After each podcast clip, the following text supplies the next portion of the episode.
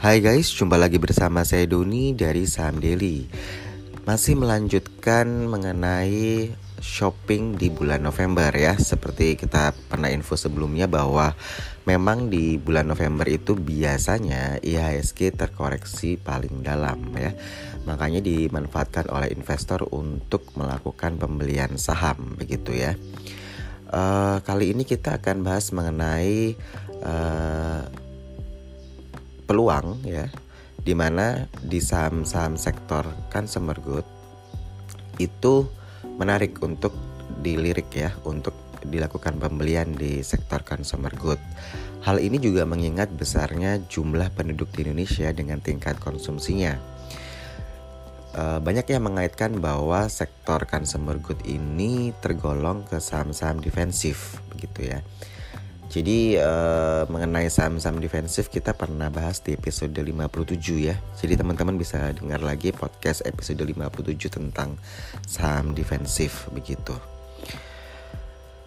Seperti episode 106 kemarin di mana kita masih menggunakan uh, alat ukur PER ya, price earning ratio ya untuk uh, menilai mahal tidaknya suatu saham ya. Jadi overvalued-nya itu ketika pair lebih besar dibandingkan pair industri.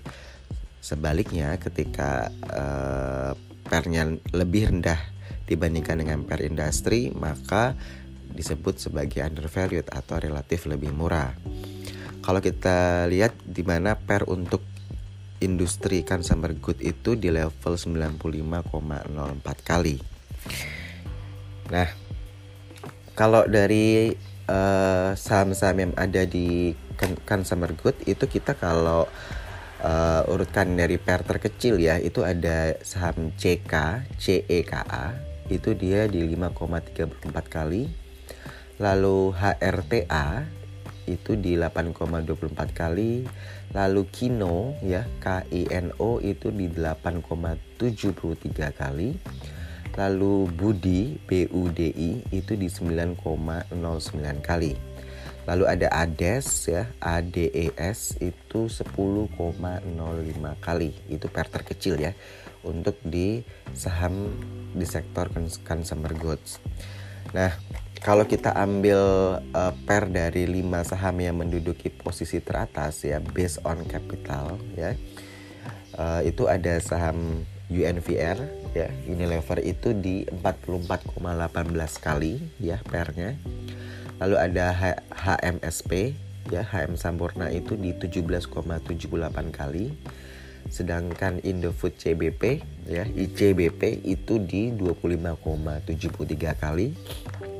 Untuk GGRM ya gudang garam itu di 10,72 kali.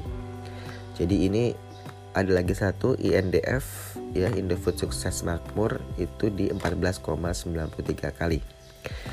Uh, teman-teman bisa lihat ya bahwa tadi saya sebutkan bahwa per untuk industri consumer good itu di level 95,04 kali. Jadi uh, seperti UNVR ini kan di 44,18 kali ya. UNVR ini juga nanti uh, ada kaitannya dengan uh, stock speednya yang satu dibanding 5 jadi harapannya uh, akan menarik bagi retail ya untuk bisa masuk membeli NVR ketika harganya sudah lebih murah ya karena uh, dibagi 5 ya harganya. Lalu untuk HMSP ya kita tahu bahwa HMSP dan GGRM ini uh, harga sahamnya mengalami penurunan terutama untuk HMSP ya Uh, tetapi teman-teman bisa lihat dulu, uh, hitung dulu fair value-nya berapa, lalu sebenarnya secara kinerja dia bagus atau tidak. Kalau dia masih bagus, harusnya tidak takut untuk uh, masuk membeli ya, untuk uh, jangka panjang ya. Untuk ICBP dan INDF, ya memang terutama ICBP ya, ini uh, kita bisa bilang dia cukup defensif ya di sektor consumer good ini. Nah, nanti teman-teman bisa uh, evaluasi lebih dalam lagi ya uh, terhadap fundamental dari masing-masing saham yang tadi saya sudah sebut.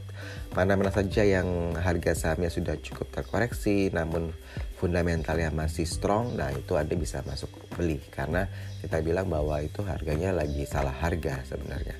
Kalau salah harga ya beli dong gitu. Itu opportunity gitu ya. Jadi kembali lagi bahwa uh, ini sebagai insight saja ya uh, masalah anda beli atau tidak itu tergantung pribadi teman-teman masing-masing. Oke, okay? saya Doni dari Sam Daily out.